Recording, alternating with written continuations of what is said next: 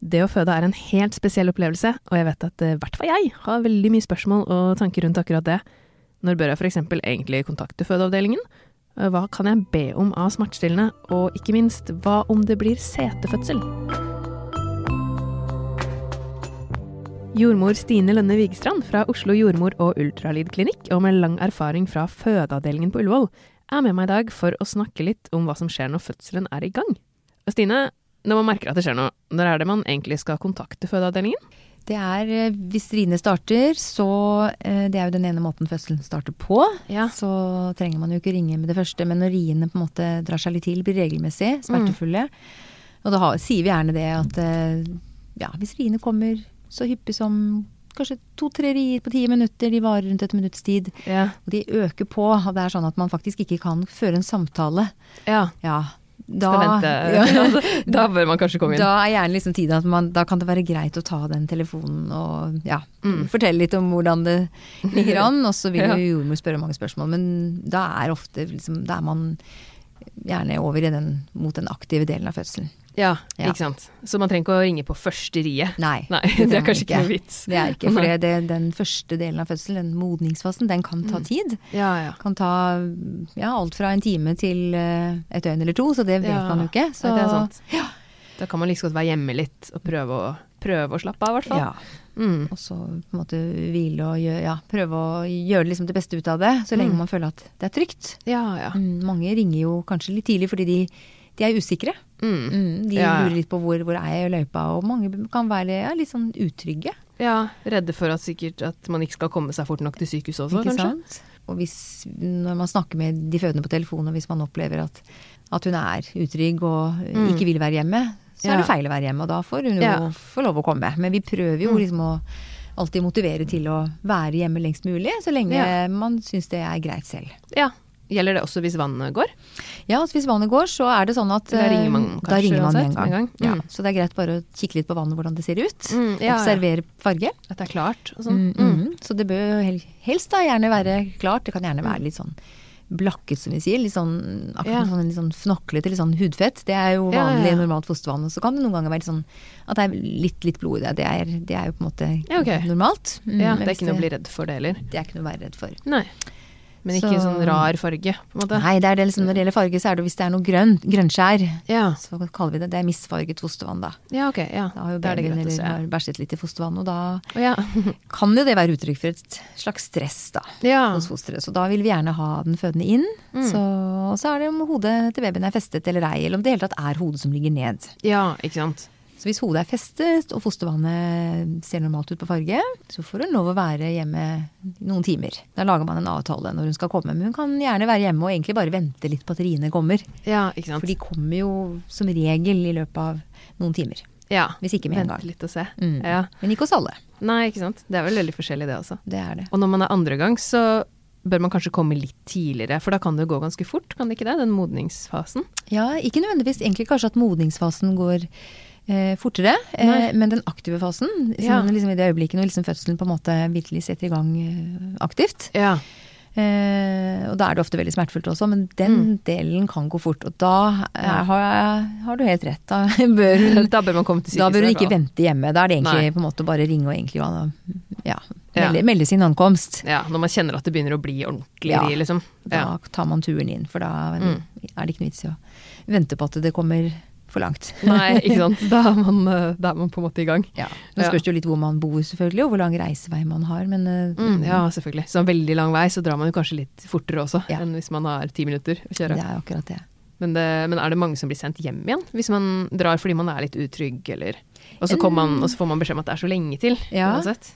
Ja, det er jo det er jo en del som gjør det. Og da er det jo sånn at da Selv om det er smertefullt og sånn, så denne åpningen, da, som vi Mm. undersøker, for dette Ja. er jo på en måte målbart. Det er det jo. Mm. At vi kan undersøke og kjenne at eh, det er nok litt tidlig. Eh, Så spørs det jo også litt hvor hun bor, så hvis hun bor nærme så kan hun jo ta en tur Ja. hjem. Men er det litt reisevei, så kan hun vake litt rundt, som vi sier da. Ja. Være litt Være i området. Ja, Ja. og så se litt om hvilken vei det går. Noen ganger så kan jo riene dabbe av, og det kan bare ja, plutselig stoppe litt opp. Mm. Det gjør ikke noe det. Nei, nei. Men, det da tar det litt også- lengre tid, bare. Det gjør det. Eller Mm. det motsatte kan skje, at det øker på. Og da Ja. ja, Da kan det være greit å være i nærheten, kanskje. det kan også. det. Hvis man skjønner at det er i ferd med å ta seg opp. Så nei da. Så det, det er nok det er en del som kommer litt tidlig, men, Mm. men det er jo ikke så godt å vite.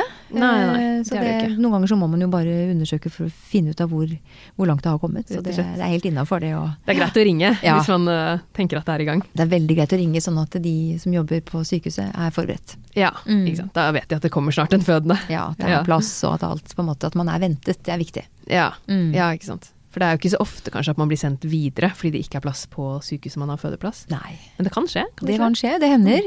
Eh, og vi ser jo litt gjennom året så er det jo litt sånn svingninger på hvor, når vi har mest fødsler. Så da vet Ja. vi at juli og august er jo Det er juli-august, ja. Det er. Høysesongen. Det er høysesongene, men det kan jo også være rolig i den perioden. Mm. Og det kan være veldig mye òg i tider av året hvor det vanligvis ikke er så mye. Eller Ja. så mange fødsler. Så det er, veldig, det er veldig vanskelig å planlegge. Ja, for det går vel veldig opp og ned. Det gjør det. Og Mm. bemanningen er jo relativt jevn på alle skift. Så, mm, så det, Det er det- noen ganger det topper seg litt, og at man får det som man kaller for samtidighetskonflikt, at det, det Mm. fødes overalt. Ja, ikke sant. Samtidig. Ja, ja. Så da må man være litt kreativ noen ganger, og det Ja. hender jo at man må overflytte fordi at det er det som er forsvarlig. Hvis Ja. man ikke har verken ikke har hender eller rom. Mm. Da er det vel gjerne at man blir flytta til et sted ganske i nærheten, Ja. vil jeg tro. Og så får man tilbud om transport, og det er, det er greit å vite at man ikke skal ja. kanskje ja, man finner fram til en fødeavdeling som man egentlig ikke Ja. vet hvor er. Ja, det, det er jo Så- greit å vite. Man, blir, eh, man får hjelp til å komme seg dit. Ja, man får tilbud om ambulansetransport. Ja, ikke sant. Ja. Så det er jo ikke noen krise, det heller. Eller det er ikke noe man egentlig bør være så redd for. Nei, jeg tror ikke det, for jeg, det er nok relativt få Mm. som blir overflyttet. Men det har nok med den, den forberedtheten da, til eh, Ja, fødestedet. Ja, Mm. At det, det, det er noe som blir litt feil, men det, det pleier å det pleier liksom å løse seg. Ja, Ja. ikke sant. Man får jo fin oppfølging der man havner uansett. Man gjør det. God hjelp. Mm. Mm. Under fødselen er det ofte at det ender med keisersnitt. Fordi at, ikke, altså at ungen bare rett og slett ikke Og får den ikke ut på egen hånd. Ja, altså det, eh, det hender jo daglig. Så det er jo De fleste fødslene de skjer jo vaginalt. Men det er jo klart at det er jo noen fødsler som tar litt for lang tid. Ja, ikke sant. Mm. Er det ofte da det ender med keisersnitt? Hvis det tar for lang tid i forhold til hvordan ungen har det? Ja, Mm. du kan si at um, man blir jo ja, overvåket ganske grundig. Alle blir jo ikke overvåket hele tiden, men i hvert fall fra og til. Så hvis man på et eller annet tidspunkt gjennom en fødsel på en måte skjønner at fosteret ikke har det optimalt, må man jo passe ekstra godt på, og da er jo det også en, en årsak, en veldig viktig årsak til å, Ja. til å få babyen ut på en annen måte. Hvis man skjønner at her er tiden kanskje fram til fødsel Mm. tidspunkt er litt for lang. Ja. Man lurer litt på om det barnet eller fosteret har nok ressurser til å, til å holde ut så lenge. Men da har man gjerne gjort grundige ja, undersøkelser, og man har på en måte ja, prøver jo å finne ut av det i forkant. Så Mm. man tar jo ingen sjanse. Nei, Nei. ikke sant.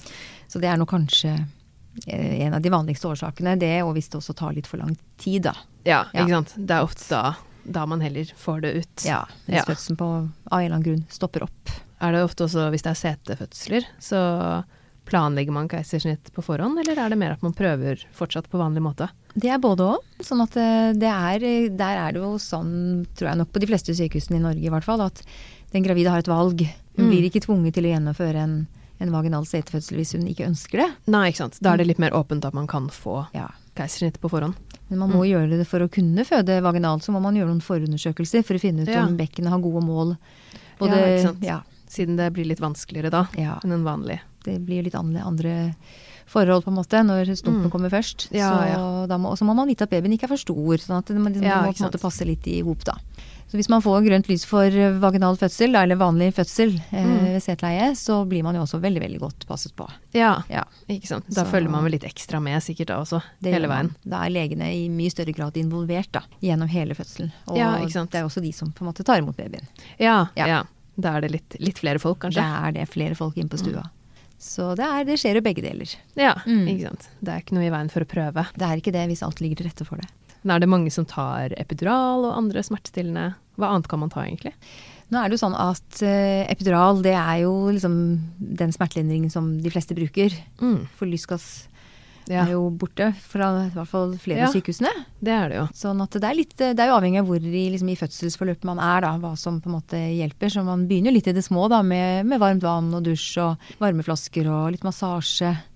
Akupunktur kan man jo få tilbud om litt ja, både tidlig og sent, men man har kanskje aller mest nytte av det tidlig. Så Mm. når den aktive delen av fødselen starter, så er det vel epidural som Ja. på en måte fungerer er aller det det som- God, god smertelindring. Ja. Ja. Det, det syns jeg det var, i hvert fall. Så den, det, det hjelper jo måte veldig mange å, å komme gjennom dette på en på en ålreit måte. Mm. Mm. Det er jo veldig greit å vite at man kan ta det. Men prøver man som oftest andre ting først, sånn som du sa med vann og litt sånn? Ja. Prøver å se om det går an uten, ja. før man gir det? Prøver litt, litt sånn i det små, og ser litt sånn hvordan det går. Så Så, men det er nok, hvis man ser på tallene, så er det nok eh, ganske stor andel, spesielt av de førstegangsfødende, da, ja, som, eh, som ender opp med en epiduralbedøvelse. ja. Er det, kan det ha noe å gjøre med at det tar så lang tid ofte òg? Det også. Ja. Det er helt naturlig at fødselen tar tid, eh, og det er Mm. klart den fødende blir sliten og ja. Trenger en liten pause. Ja, så det er en veldig, veldig god hjelp, for det hjelper jo henne å slappe mer av, og da Mm. sånn i forhold til den prosessen som skal skje med denne livmorhalsen eller mormunnen som skal åpne seg og barnet skal komme ned, sånn at det, mm. det går litt lettere, på en måte. Ja, ikke sant. Mm. Det er jo Jeg husker jeg syns at epidural virka litt sånn skummelt. På grunn av den nåla og at det skal Ja. inn i ryggen og Men er det noe risiko, egentlig? Det er jo klart det er noe risiko. Det, det er få komplikasjoner. Mm. Men den risikoen som, man, som er mest tjent, på en måte, det er at man kan få en sånn hodepine i etterkant, da. Ja, ok. Mm. Hvis, man, hvis den epiduralen ikke blir lagt inn helt riktig. Ja, Mm. men det er også noe som går over. Ja. Ja. Så det, det, er jo, det, er, jo ellers relativt komplikasjonsfritt Så det er, epidural, så det er trygt å bruke. ja, Ja. det er også veldig greit å vite. Mm. Jeg husker at de fulgte opp, da jeg fikk det, fulgte de også veldig godt opp. Uh, sjekke om man har følelser i beina og litt sånn. Ja. At alt, eh, alt var som det skulle fortsatt. Mm. Er det sånn at man ikke kan få det hvis det har gått eh, for langt? Hvis det har åpna seg for mye? ja, altså det er litt med på en måte hvor mye nytte man har av epiduralbedøvelsen. Ja. fordi hvis man kommer så langt at man skal begynne å trykke, og man, da, er- da er det jo bare snakk om kanskje en, en halvtime, en time, en halvannen time, Mm. så virker jo ikke bedøvelsen så godt når barna har kommet så langt ned. Og Nei. det kan jo også hemme litt liksom, for selve den trykkefasen, da. Ja. Så Og da er det noen som må få kanskje en litt, den litt kjipe beskjeden om at eh, beklager, det er for sent. Ja. Men eh, jeg opplever at når man liksom, ja, når den fødende skjønner at nå er målstreken ikke så langt unna, ja, så går det greit allikevel. så går det fint. Mm. Mm. Da vet man at da er man der snart. Ja. Da klarer man litt, litt til. Man gjør det, vet du. Mange forskjellige fødsler i hvert fall, Mm. skjønner jeg. Jeg. Det er vel litt derfor eh, man kanskje skal være litt forsiktig med å lese andre sine sånn skremmende historier. Det tror jeg du har veldig rett i. Første gang så turte jeg ikke å se på fødeavdelingen og sånn på TV, husker jeg. For jeg var bare redd for å bli skremt. Ja. Men nå, når jeg har gjort det en gang før, så syns jeg det kan være veldig fint å se. For da Mm. vet man jo litt mer at ting er forskjellig Ikke sant. fra person til person. Du har hørt podkasten Ultralyd, og i dag har jeg snakket med jordmor Stine Lønne Vigestrand om fødsel. Dette var altså del to av fødselsepisoden vår. Og del én så handler det litt mer om forberedelser før fødsel og tiden rett før. I podkasten så snakker jeg om mange forskjellige temaer rundt graviditet, med folk som kan noe om nettopp de temaene.